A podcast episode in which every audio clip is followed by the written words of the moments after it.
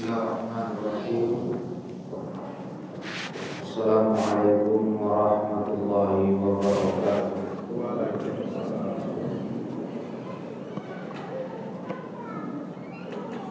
الحمد لله. الحمد لله الذي أرسل رسوله بالهدى ودين الحق. dini kullihi wa kafa billahi syahida Ashhadu an la ilaha illallah wahdahu la syarika lah wa ashhadu anna muhammadan abduhu wa rasuluh alladhi la nabiyya ba'dah يقول الله تعالى في كتابه الكريم أعوذ بالله من الشيطان الرجيم يا أيها الذين آمنوا اتقوا الله حق تقاته ولا تموتن إلا وأنتم مسلمون وقال رسول الله صلى الله عليه وسلم فإن أصدق الحديث كتاب الله وخير الهدى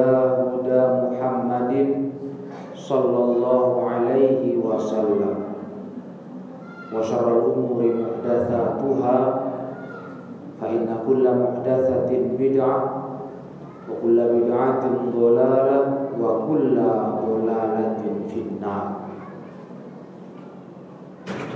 أما بعد Alhamdulillah para jemaah kaum muslimin rahimakumullah Puji syukur senantiasa kita sampaikan kepada Allah Tabaraka wa Ta'ala. Begitu pula salawat dan salam Senantiasa kita peruntukkan untuk Nabi kita Muhammad Sallallahu Alaihi Wasallam. Pada malam hari ini kaum muslimin yang dirahmati Allah Kita berkesempatan untuk melanjutkan kajian keterasingan sunnah Sebagaimana yang sudah kita baca dari riwayat keteguhan sahabat Abu Bakar As-Siddiq dalam berpegang dengan pesan wasiat Rasulullah Sallallahu Alaihi Wasallam yang ternyata itu mendatangkan barokah, mendatangkan pertolongan Allah. Pasukan kaum muslimin dimenangkan Allah melawan kaum murtadin tanpa harus perang. Ini hasil keteguhan berpegang dengan sunnah dengan pesan-pesan Rasulullah Sallallahu Alaihi Wasallam. Malam hari ini saya akan mengajak para jemaah sekalian yang saya muliakan untuk mengambil keteladanan dari para generasi salafus salih ridwanullah alaihim ajma'in yaitu generasi tabi'in, tabi'ut tabi'in dan ke bawah seterusnya. Karena generasi sahabat Abu Bakar sudah cukup jadi contoh. Hidup ini berkah. Hidup ini ditolong Allah kalau beragama berpegang teguh dengan sunnah warisan Rasulullah Sallallahu Alaihi Wasallam. Maka berikut ini ma'asyiral muslimin rahimakumullah kita akan melihat sikap-sikap pengagungan terhadap sunnah Rasul di kalangan generasi tabi'in muridnya para sahabat dan tabi'ut tabi'in serta para ulama setelah mereka. Kenapa kita harus mengambil suri tauladan dari para tokoh-tokoh ini? Karena mereka yang patut dan layak jadi panutan. Mereka sudah selesai urusan dengan dunia, sudah teruji iman. Dan umat Islam sudah menyadari dan mengakui mereka inilah generasi terbaik dari seluruh kaum muslimin. Sedangkan kita masih hidup para jemaah yang mulia, sebaik-baik kita kita belum aman dari kemungkinan tersesat ke jurang kehancuran beragama. Fa'inal hayla tu'man alaihi fitnah. Orang hidup ini tidak aman, ditimpa fitnah. Kita rawan berubah. Maka yang selamat beragama ini meneladani generasi dahulu, salafus salih. Jadi saya mau mengajak jemaah sekalian yang mulia, mari lihat bagaimana generasi terdahulu tokoh-tokoh Islam terdahulu mensikapi sunnah Nabi dan bagaimana besarnya sunnah di dada mereka. Agar kita semua menyadari kenapa generasi terdahulu lebih baik dari generasi setelahnya. Kenapa mereka dikatakan Nabi khairul kurun sebaik-baik generasi sebaik-baik manusia khairun nas? Kenapa? Karena mereka yang paling kuat berpegang dengan ajaran Nabi. Tidak ada ajaran Nabi tidak mau diamalkan. Itu mereka. Maka mereka menjadi generasi yang terbaiknya umat ini. Itu jaminan hadis Nabi. Bukan kita-kita para jemaah. Bukan orang hari ini. Tokoh-tokohnya yang terbaik. Yang terbaik itu generasi awal Islam.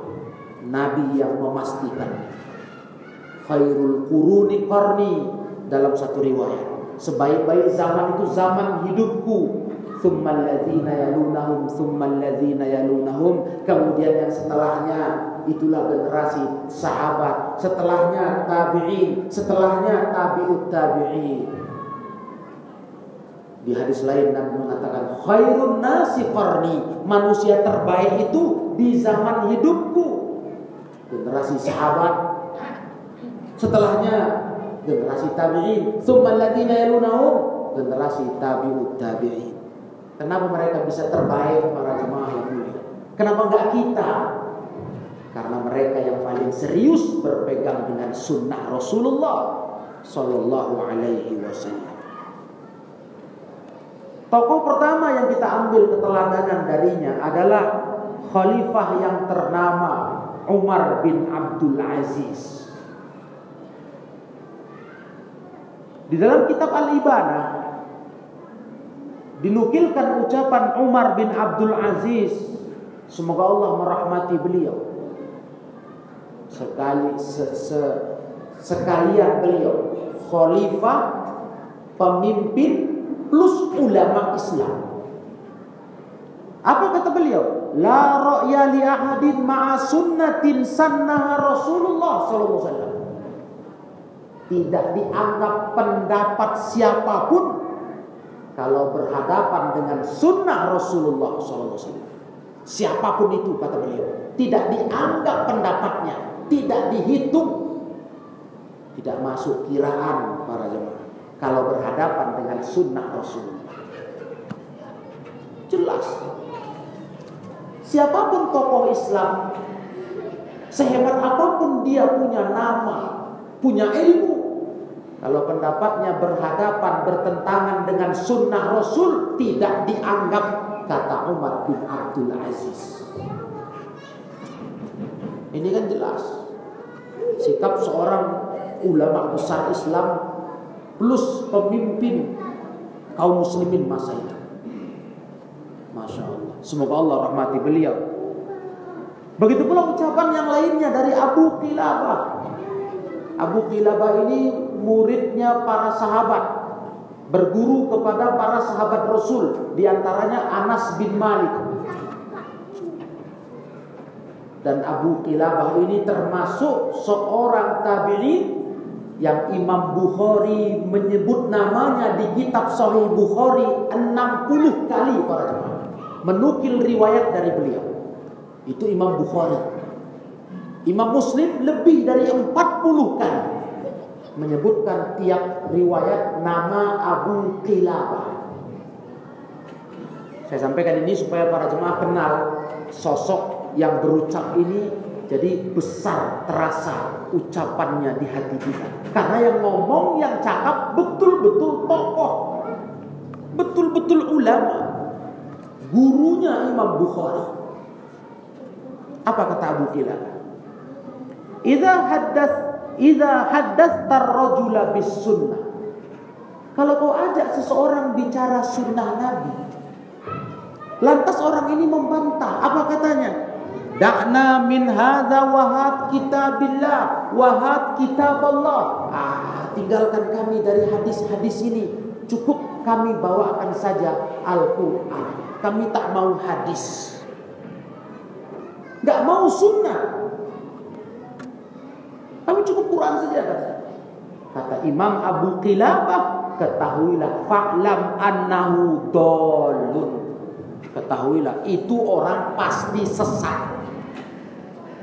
Gak ada lagi para jemaah. Kalau sudah tidak mau mengambil hadis Nabi, gak mau tunduk ke hadis Nabi, walaupun katanya cukup Quran saja. Kami Quran mau, tapi hadis tidak.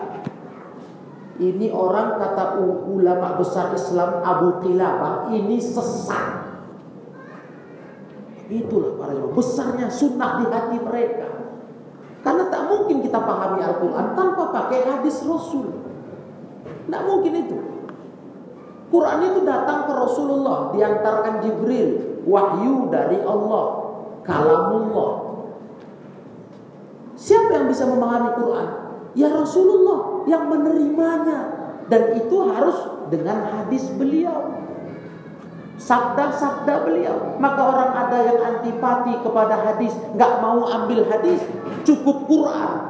Kata Imam Abu Qilabah, ini orang sesat. Kan enak ngomongnya para jemaah. Bukan kita yang ngomong sesat. Kita menukilkan ucapan seorang ulama besar dari generasi tabi'in. Jelas ini bukan bukan mau kita sesat menyesatkan bukan. Kita cuma menukilkan. Cakap ulama besar sekali dari Abu Qilabah, gurunya Imam Bukhari. Kemudian para jemaah yang mulia, Al-Imam Az-Zahabi memberikan komentar atas ucapan Abu Kilabah. Para jemaah tahu Imam Zahabi? Imam di abad 7 Hijriah. Sezaman dengan Ibnu Taimiyah. Selisih usia hanya lebih muda kurang lebih 10 tahun dari umur Ibnu Taimiyah. Imam Zahabi. Imam Zahabi ini mazhabnya Syafi'i. Syafi'i ya para jemaah. Boleh diperiksa, dicari tentang biografi beliau. Ini madhabnya Syafi'i dan ini tokoh besar. Beliau wafat meninggalkan warisan karya tulis sebanyak 200 kitab di berbagai bidang ilmu. Siapa nggak kenal Imam Zahabi? Kalau pelajar Islam namanya, dia nggak mungkin nggak kenal Imam Zahabi. Dan Imam Zahabi gurunya penafsir ternama tersohor Imam Ibnu Katsir. Ini gurunya Ibnu Katsir. Kenali dulu tokoh ini para jemaah supaya apa? Nanti baca cakap beliau, ucapan beliau kita nerima. Karena tegas betul yang beliau akan ucapkan ini, tegas sekali. Jadi kita nerima. Ini cakap tokoh besar. Beginilah sunnah di hati mereka. Maka ketika mereka melihat ada orang melecehkan sunnah, meninggalkan sunnah, gak mau ke sunnah, mereka pun mengeluarkan ucapan-ucapan pedas, pedas para jemaah. Bagaimana tidak? Lihat ucapan Imam Zahabi. Ketika beliau komentari kalimat Imam ucapan Abu Bilabah tadi, apa kata Imam Zahabi? Wa idza ra'aital mutakallimal mubtadi'a yaqul Da'na minal kitabi wal ahadithil ahad Wahatil aqla Kalau kau mendapati seorang mutakallim Mutakallim itu orang yang ahli ilmu filsafat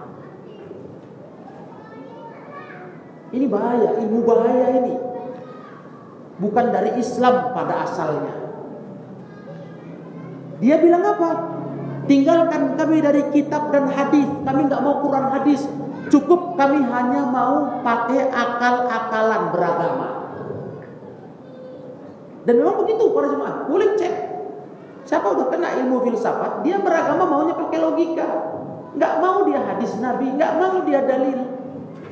Kalau kau ketemu orang begini, kata Imam Zahabi, lihat, fa'lam annahu Abu Jahlin, ketahuilah dia itu Abu Jahal. Abu Jahal kata Imam Zahabi. Kalau kita ngomong kan bahaya ini. Kita bisa dituduh ekstrim, kasar, keras, tapi Imam Zahabi tokoh besar Islam yang tak tidak asing namanya. Penulis kitab Syiar Alamin Nubala salah satu dari karya tulis yang ditinggalkannya untuk umat Islam. Subhanallah. Ini orang Abu Jahal ini. Kalau dia nggak mau pakai Quran, nggak mau pakai hadis, pakai sunnah, maunya pakai akal. Begitu pula kata beliau, wa idza ra'aita salikat tauhidi yaqulu da'na da'na minan naqli wa minal aqli wa hatiz wal wijda. Kalau kau jumpai lagi ada orang ikut aliran tauhidi, ini salah satu aliran sufi. Dia ngomong, dia ngomong begini, tinggalkan kami, jangan bicara-bicara dalil, sunnah-sunnah, akal-akal, kami nggak mau pakai itu. Kami cukup mau dengan apa? Perasaan. Pernah para jemaah ketemu orang beragama maunya pakai perasaan. Begitu kita bawa hadis, ah nggak ngerti, saya nggak ngerti, saya nggak tahu saya itu. Kita cukup pakai perasaan. Wijda, azuk. Kalau ketemu orang begini, kata Imam Zahabi, fa'lam annahu iblis. Ketahuilah itu iblis katanya. Masya Allah. Bagaimana para jemaah ini nasihat ulama. Kenapa? Karena besarnya sunnah di hati mereka. Kalau ada orang antipati kepada sunnah, begitulah mereka menggelarinya. Memang udah parah kalau sudah beragama muslim katanya, tapi nggak mau kembali kepada dalil sunnah. Maunya pakai perasaan. Apa kata hati? Lah, bagaimana beragama kata hati? Satu lagi pakai logika, Nah, kalau masuk akal baru kita terima, nggak masuk akal tolak. Kata Imam Zahabi yang pakai perasaan beragama itu iblis. Qad zahara bi surati basharin au qad halafi. Dia sudah sedang menampakkan dirinya dalam bentuk manusia. Itu jelmaan iblis. Atau iblis merasuk ke dia. Dia bukan iblisnya, tapi dirasuki iblis. Hatinya dirasuki iblis para. Jadi ngeri betul kaum muslimin yang mulia. Kalau beragama di Islam ini tidak kembali kepada sunnah. Bahaya. Kita akan menyimpang jauh dari ridho Allah. Karena agama itu yang kita anut hari ini dan insya Allah sampai mati Islam tidak akan ada Islam yang benar kecuali yang cocok dengan sunnah Rasulullah. Bukankah begitu? Islam kan cuma satu versi. Rasul yang diutus cuma satu orang yang bawa Islam ini. Rasul terakhir Muhammad bin Abdullah. Sebenarnya nggak sulit para jemaah untuk meluruskan amal kita. Tinggal merujuk ke Rasulullah selesai. Kalau ada sunnah Rasul, ada pendapat yang bertentangan, campakkan pendapat, ambil sunnah Rasul, sederhana. Karena memang haknya beragama ini, kita harus kembali kepada sunnah. Lain urusan kalau haknya dunia. Keliru malah kalau urusan dunia kita mau kembali kepada Rasul. Keliru. Teknologi mau kembali ke Rasul. Rasul nggak tahu. Mana ngerti Rasul teknologi perkembangan kendaraan, telekomunikasi dan sebagainya. Maka kita nggak menyeru umat Islam ini kembali ke Rasul dalam urusan teknologi. Tidak. Karena Rasul pun berpesan kalian lebih tahu urusan dunia.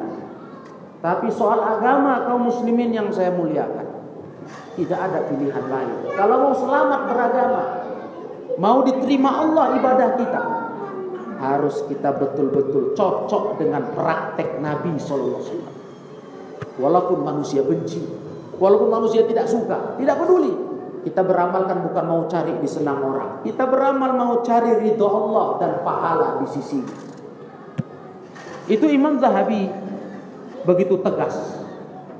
menggelari orang-orang yang tidak mau kembali kepada hadis, maunya kepada akal, maunya kepada perasaan. Ini yang pantas untuk mereka gelarnya kata beliau. Ini orang yang memang Abu Jahal ini tipenya. Abu Jahal kan begitu para Semua ditakar dengan akalnya, logikanya. Iblis kan begitu dengan perasaannya. Disuruh sujud kepada Adam, menolak karena menurut perasaannya aku lebih mulia. Khalaqtani min nar wa khalaqtahu min tin. Bukankah begitu para jemaah? Kau ciptakan aku dari api, ya Allah dia dari tanah. Secara perasaan aku lebih mulia. Jadi orang yang beragama nggak mau pakai hadis, nggak suka dengan hadis, nggak mau dengan sunnah, maunya perasaan, itu kan gaya iblis. Kalaupun dia bukan iblis yang menjelma, dia kerasukan. Bahaya ini, para bahaya sekali. Marilah kembali kepada sunnah Nabi beragama. Cintailah sunnah Nabi, cintai hadis Nabi. Kita belajar, kita belajar. Karena itulah Islam. Ya, itulah Islam yang Nabi bawa. Itu mau kita bangkitkan lagi pemahaman umat Islam ini di mana pun umat Islam berada khususnya kita masyarakat Indonesia. Kembali kita angkat kecintaannya kepada sumber-sumber dasar Islam. Quran Sunnah, Quran Hadis. Supaya mereka tidak terombang ambing dengan banyaknya silih pendapat yang saling berbeda. Yang satu kanan, satu ke kiri, satu barat, satu timur. Kita ingin satu arah beragama dengan apa yang Nabi wariskan. Selesai. Sederhana. Jadi beragama ini sebenarnya para jemaah mulia yang difokuskan itu itu dia. Mencari sumber kita beragama, apa landasan kita berbuat, itu saja. Nggak usah para para jemaah yang mulia. Nggak us, nggak perlu kita mikirkan saya harus gabung kelompok apa, organisasi apa. Nggak usah itu. Bukan itu beragama. Beragama itu bagaimana kita menyembah Allah sesuai dengan cara yang diwariskan Rasulullah. Sudah selesai, aman hidup. Aman hidup sudah. Mati-mati husnul khotimah insya Allah. Itu fokus. Gak ada yang lain-lainnya para jemaah. Gak ada kita sibuk dengan fanatisme golongan. Atau sibuk mendirikan kelompok-kelompok baru. Gak perlu. Sibukkan diri. Bagaimana saya beramal. Periksa amal. Sudah cocokkah dengan sunnah catat tata cara sholat, puasa, zakat, haji dan sebagainya. Dicari tahu yang betul seperti apa dengan warisan Rasulullah. Gampang. Andai kata masyarakat ini mau kembali kepada sunnah. Tinggal kembali ke, kepada ilmu. Belajar, duduk kita mengaji. Kita buka satu-satu bagaimana cara bersuci. Cara sholat. Sampai selesai. Dengan hadis-hadis Rasulullah sallallahu alaihi wasallam. Masyarul muslimin, para jemaah yang dimuliakan Allah. Kemudian Imam Syafi'i. Imam Syafi'i semoga Allah merahmati beliau. Pernah beliau bercerita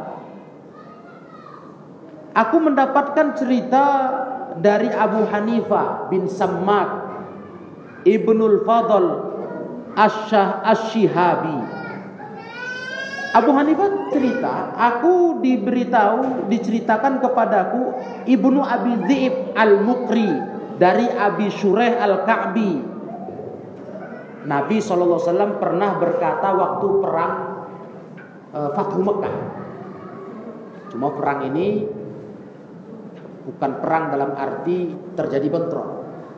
Rasul datang ke Mekah, penduduk Mekah takluk. Waktu itu Rasul bersabda begini, "Mangkutilalahu qatilun fahuwa bi khairin nadharaini." In ahabba akhadhal aqla wa in ahabba falahu qiwadun. Itu kata Nabi.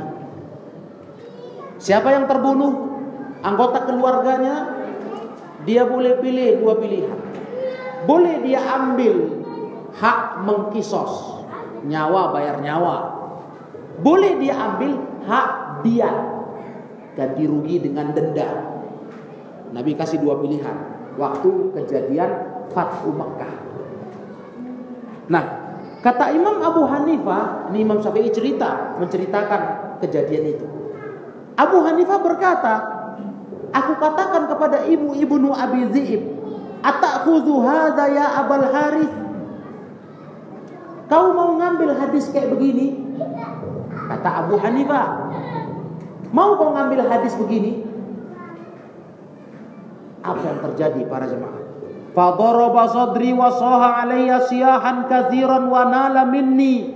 Itu langsung spontan refleks dipukulnya dadaku. Kata Abu Hanifah. Yang memukul Ibnu Abi Zi'ib yang ditanya. Kau mau ngambil hadis ini? Dipukulnya dadaku sambil dia menjerit keras dan dia berkata, Aku sampaikan kepadamu hadis dari Rasulullah, kau tanya lagi, aku mau ngambil apa tidak? Bayangkan para jemaah. Sakit kali hatinya. Kok perlu ditanya lagi? Sudah jelas ini hadis. Kok kau tanya lagi? Mau kau ngambilnya?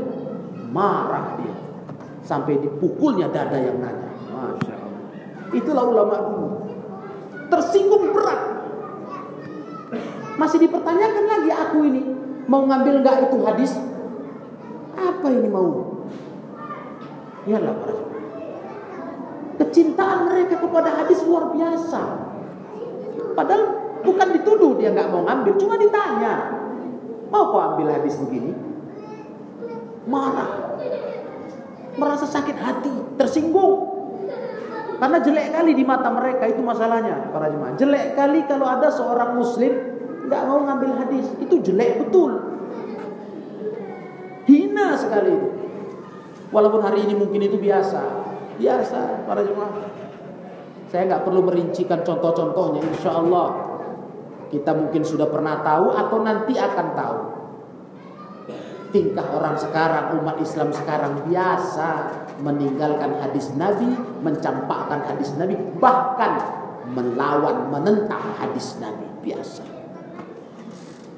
Nah, kemudian para jemaah yang mulia, Naam akhudhu bih apa kata beliau? Iya, aku ambil hadis itu. Kenapa kau tanya lagi? Wadzalikal fardu alayya wa ala man sami'ah. Itulah kewajiban atasku dan atas siapa pun yang mendengar hadis. Harus diambil. Walaupun mungkin gak cocok selera, gak cocok dengan nafsu. Kalau hadis sahih, ambil. Itu hak kewajiban kita. Tugas kita sebagai muslim. Gak boleh dipilih-pilih para jemaah. Kalau udah hadisnya sahih, ambil. Ini pesan beliau. Jangan lagi kita memilih, menimbang, tunggu dulu, cek dulu. Masya Allah. Ini apa para jemaah? Ini kerusakan iman namanya. Kalau sempat hadis Nabi kita, penuntun hidup kita, kita tolak. Ini kerusakan iman yang parah. Perhatikan ini para jemaah yang dimuliakan Allah tabaraka wa taala. Kemudian sampai-sampai kata Abu Hanifah, wa masa kata hatta taman naitu ayasku. Ini Imam Ibnu Abi bin ini terus ngomong karena masih marah sampai aku berangan-angan dalam hati, diamlah dia ini. Karena kayaknya marah besar dia, cakap terus, nasihat terus. Hanya gara-gara ditanya, mau kau ambil hadis itu? Nah, ini yang cerita ini Imam Syafi'i para jemaah menceritakan kejadian itu. Imam Syafi'i menceritakan itu dalam kitab Ar-Risalah karya Imam Syafi'i. Bahkan para jemaah Imam Syafi'i sendiri pernah pula seperti itu. Pernah Imam Syafi'i rahimahullahu taala pernah membawakan satu riwayat hadis ya. Tahu-tahu apa kata ada seorang berkata namanya Al-Humaidi. Kata Al-Humaidi kepada Imam Syafi'i, "Atakhudhu bi?" Mau kau ngambil hadis ini Imam Syafi'i? Kejadian langsung di diri Imam Syafi'i. Dia membawakan hadis, ada orang nanya, mau kau ngambil hadis itu? Apa kata Imam Syafi'i? Kata Imam Syafi'i rahimahullah, ra'aituni ra'aitani kharastu min kanisatin au alayya zanna? Memangnya kau lihat aku keluar dari gereja? Ada kau lihat aku pakai ikat pinggang yang dipakai para pendeta? Kata Imam Syafi'i. Kok kau tanya lagi itu? Kecuali aku bukan muslim. Kan itu maksudnya. Aku keluar dari gereja, aku pendeta. Maklum, kau tanya, mau kau ngambil hadis ini? Ada kau lihat aku dari gereja, kata Imam Syafi'i. Ada kau lihat aku pakai tali pinggangnya para pendeta. Marah beliau. Cobalah para jemaah, Imam Syafi'i tersinggung kejadian di diri beliau. Tadinya beliau cerita itu kejadian di ulama lain. Ini kejadian di diri beliau. Dipertanyakan, mau kau ngambil hadis itu hai Imam Syafi'i? Kata beliau, Sam idza sami'tu an Rasulillah haditsan la aqulu bi. Apa kau lihat aku keluar dari gereja atau pakai sabuk seperti pendeta? Aku bawakan sebuah hadis tapi aku enggak mengambil hadis itu. Kok bisa kau berpikiran seperti itu? Para jemaah yang dimuliakan Allah tabaraka wa taala. Di kesempatan lain, di kejadian lain juga Imam Syafi'i ditanya satu masalah. Su'ilah Syafi'i an mas'alatin. Pernah Imam Syafi'i ditanya satu masalah agama. Faqala ruya fiha kadza wa kadza 'anil Nabi. Imam Syafi'i menjawab, "Oh, itu masalah ada riwayat dari Nabi begini, begini, begini." Si penanya bertanya, "Ya Abu Abdullah, taqulu bih?" Ya Abu Abdullah, Imam Syafi'i dipanggil Abu Abdullah. Mau kau berpendapat dengan hadis itu? Ini kejadian di hari lain para jemaah, di kesempatan lain. Ketika itu Imam Syafi'i fartadda Syafi'i wan tafadha, itu langsung gemetar, gemetar badannya, keluar urat lehernya. Intafadha, itu urat leher keluar karena marah, nahan marah ini, bergetar badannya. Beliau berkata, Ya hadza ayu ardin taqilluni wa ayu sama'in tudhilluni idza rawaitu an rasuli rasulillah hadithan lam aqul bi na'am alayya sam'a wal basar Kata Imam Syafi'i, "Hei kamu pada sebenarnya Bumi apa rupanya yang kupijak? Langit apa rupanya yang menaungiku? Sampai-sampai aku meriwayatkan hadis Nabi, tapi aku nggak mengambil hadis itu. Kira-kira aku sekarang bijakkan kaki di mana? Langit apa yang menaungi sampai berani aku dicurigai bawa hadis tapi nggak mau berpendapat dengannya? Sungguh aku ambil hadis Nabi itu wajib atasku mendengarkan dan menerimanya. Itu Imam Syafi'i. Jadi nggak ada lagi tawar menawar para jemaah. Begitu ada hadis sahih Imam Syafi'i memastikan itu menjadi mazhab. Ada satu ucapan beliau, "Idza sahal hadis fahuwa mazhab." Kalau ada hadis sahih itu mazhabku. Makanya kalau kita bermadhab Syafi'i yang merasa ikut Imam Syafi'i, seharusnya dia ikut kepada hadis Nabi yang sahih. Imam Syafi'i sudah berpesan seperti itu. Kalau ada hadis sahih itu madhabku. Sekalipun Imam Syafi'i tidak berpendapat seperti hadis itu. Nah, ini menunjukkan apa para jemaah? Ulama-ulama kita, ulama salaf dulu dari generasi tabi'in, tabi'ut tabi'in sampai generasi imam madhab itu semua mengajak masyarakat Islam ini beragama itu kembali kepada sunnah. Itu intinya. Semua kembali kepada sunnah mengagungkan sunnah, menomor satukan sunnah dalam beramal. Dan tak mau beramal kalau tak ada tuntunan. Begitu mestinya. Begitu mestinya. Dan ini standar kan. Pada kajian yang lalu saya sudah tegaskan kepada kaum muslimin yang saya muliakan. Ini standar beragama. Bukan kaku ini. Bukan kaku. Bukan dipersulit. Bukan sempit. Ini standarnya. Kan pas kan para jemaah. Kira-kira di mana ada kelirunya, ada salahnya. Kalau kita diseru mari berislam, mari beribadah, mari menyembah Allah dengan cara Rasulullah saja. Di mana salahnya? Kira-kira di mana kurangnya, di mana tidak tepatnya. Karena memang yang namanya menyembah Allah, beribadah kepada Allah yang tahu caranya cuma Rasulullah. Itulah guru kita. Dan gunanya Rasul diutus untuk itu. Ngajari umat manusia bagaimana cara menyembah Allah. Karena Allah memerintahkan kita menyembah dirinya. Bukan terus melepaskan caranya ke kita. Terserah kalian lah. Mana baik kalian. Enggak begitu para jemaah. Enggak begitu kan? Ketika Rasul ketika Allah berkata, "Ubudullah wa la tusyriku bihi syai'a." Dalam Al-Qur'an Allah berfirman, "Sembahlah Allah, jangan sekutukan Allah dengan satu apa pun." Apakah terus kita berpikir, "Ah, yang penting sudah saya sembah Allah." Yang penting saya sudah menyembah Allah, niat saya sudah betul. Kan tidak. Sembahlah Allah dengan cara siapa? Ada gurunya, ada yang memberikan contoh panutan untuk diikut. Itulah Rasulullah. Lagi pula para jemaah, apa enggak bahagia?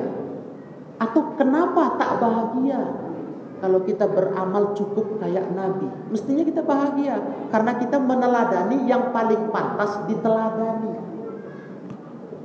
Nah inilah kadang-kadang kita ini para jemaah yang mulia, kita terbawa situasi perasaan kita. Kita berpikir agama ini jangan sempitlah. Luas saja kenapa? Nah, tidak perlu kita mempersulit orang beramal. Padahal kita maunya tidak begitu berpikir. Lebih tidak mempersulitlah namanya. Mencukupkan yang Nabi kerjakan. Lebih ringkas, berpahala, dapat surga. Iya. Kira-kira mana yang sulit? Mencukupkan dengan ala Nabi atau kita kembangkan? Kita tambah sana sini, kanan kiri. Kita tambah cara-caranya. Inilah yang paling enak. Pas porsinya, cocok caranya, senang Allah diganjar pahala. Dan itulah modal kita nanti ke surga. Ini cara pikir yang sangat sederhana para jemaah mulia. Karena tujuan kita beribadah, saya ingatkan lagi. Tujuan kita mencari ridho Allah. Dan Allah sudah buat aturan. Allah tidak ridho kalau tidak kita beribadah sesuai tuntunan sunnah Rasulnya. Ingat itu. Itu sudah jelas aturan. Karena Allah utus Rasulnya untuk memberikan ajaran kepada umat manusia, umat Islam Bagaimana jalan hidup menggapai ridho Allah. Inilah sang penuntun kita, Rasulullah. Kalau masih hidup, langsung tanya ke Rasul, langsung tiru amal Rasul. Kalau sudah wafat, kita lihatlah hadis peninggalan Rasul, sunnah-sunnahnya. Kitabnya banyak, kitab hadis, tinggal mau belajar. Iya, yang mau tebal, yang mau tipis ada. Mau panjang lebar, mendalam, mau ringkas ada. Ini kan mudah sekali beragama, diajak kita kepada sunnah. Nah, begitulah kaum muslimin yang dimuliakan Allah tabaraka wa taala. Maka Imam Ahmad yang berada levelnya di bawah Imam Syafi'i dalam urutan Imam Madhab menegaskan man radda hadisan Nabi Siapa menolak hadis Nabi sallallahu alaihi wasallam, menolak fahuwa ala syafa halakatin. Dia berada di bibir jurang kehancuran. Menolak para jemaah bukan mesti menolak dalam arti didakwahkannya penolakannya, tidak. Tapi menolak dalam arti juga mengamalkannya, enggan. Tak mau. Entah mungkin beranggapan ini ajaran yang seperti ini kuno, ya, kurang tepat zaman ini untuk dihidupkan lagi sunnah itu, atau ditolak karena dia memang tak senang mau memurnikan amal dengan cara Nabi, wallahu alam. Pokoknya menolak, menolak hadis. Sebagai penutup para ikhwah yang saya muliakan. Saya ada ada pengalaman bukan dari cerita orang. Saya mengalami bentuk penolakan kepada hadis Nabi dengan logika. Beberapa tahun yang sudah cukup lama, beberapa tahun yang sudah berjalan. Saya pernah mendapat telepon pertanyaan tentang hukum sholat berjamaah. Si penelpon berkata, Tolong Ustaz jawab. Ini kami dengarkan bersama karena kami sedang diskusi Mohon Ustaz kasih pencerahan. Jadi saya sampaikanlah di situ dalil-dalil. Pendapat terkuat Sholat berjamaah di masjid bagi laki-laki wajib Itulah ajaran Nabi Bukan sunnah muakkadah Wajib ain Memang ada pendapat yang mengatakan sunnah muakkadah Betul Tapi yang paling kuat Sesuai dalil yang akan saya sampaikan dalilnya menunjukkan wajib sholat berjamaah ke masjid bagi laki-laki. Salah satu dalilnya waktu itu saya sampaikan hadis Muslim para jemaah. Hadis seorang sahabat buta datang ke Rasul, ya Rasulullah. Aku buta, aku nggak punya penuntun untuk datang ke masjid. Jadi meraba kalaupun harus ke masjid. Boleh aku nggak sholat ke masjid ya Rasulullah? Rasul langsung menjawab, boleh. Ketika sahabat buta ini mau pulang, Rasul panggil. Hal tasma'un nida sholat, kau dengar panggilan sholat, azan. Dengar kau, kata Rasul. Dengar ya Rasul, ah datang. Buta para jemaah. Dan waktu itu azan tidak pakai pengeras suara. Jadi kalau terdengar itu berarti masih jaraknya dekat. Suara biasa. Ini salah satu dalil wajibnya berjamaah. Jangankan kita yang sehat. Orang buta, Nabi tidak kasih izin untuk nggak sholat kalau dengar azan. Padahal dia sudah bilang, aku nggak ada penuntutnya Rasul. Habis saya menjawab itu para jemaah yang menelpon ini mengucapkan terima kasih. Kebetulan mungkin, saya yakinnya kebetulan, HP itu tidak dimatikan. Bunyilah yang jadi teman diskusinya. Apa katanya? Ah, yang teganya Rasul itu. Terkejut saya pada Masya Allah, astagfirullah. Dia tidak gampang menerima hadis, langsung dia kritik hadis. Ah, nggak betul itu. Yang tega lah Rasul kok begitu sama orang buta. Astagfirullah. Baru mati HP-nya. Maka saya yakin tidak disengaja. Belum sempat dimatikan, sudah muncul komentar itu. Bergetar dada dengarnya. Masya Allah. Jadi mau pakai apa lagi saya jawab agama ini. Kalau dengan hadis pun dia bilang seperti itu. Nggak betul itu. Nabi nggak nggak tega kali seperti itu. Astagfirullah. Ini pengalaman pribadi para jemaah. Saya dapati langsung. Dan mereka ini orang-orang yang duduk diskusi agama. Ya. Saya nggak katakan di antara mereka itu ada guru, ada ustadz. Yang penting mereka diskusi agama tentang hukum sholat berjamaah. Begitu disampaikan hadis Nabi riwayat Muslim yang harusnya dia terima. Oh ya sudah. Iya juga kan begitu. Yang buta pun nggak ada uzur kalau bisa ke masjid. Kenapa? Kita yang sehat mau nggak ke masjid berjamaah. Tapi malah dia kritik. Seakan-akan dia bilang Nabi nggak bijaksana tak berperasaan. Nah ini contoh para jemaah. Maka mudah-mudahan seperti ini jangan terulang lagi. Iya, sedih kita. Kalau nggak dengan kembali kepada sunnah dengan apa lagi kita bicara agama? Dengan akal. Nanti kita jadi Abu Jahal kata Imam Zahabi. Dengan perasaan kita nanti jadi iblis atau kerasukan iblis kata Imam Zahabi. Ini bukan kata kita, Takut pun kita kalau kita, kata kita ini ngeri betul ngomong. Tapi karena ini kata Imam Zahabi, ringan saya nyampaikannya. Kata ulama besar Islam, ulama abad 7 Hijriah.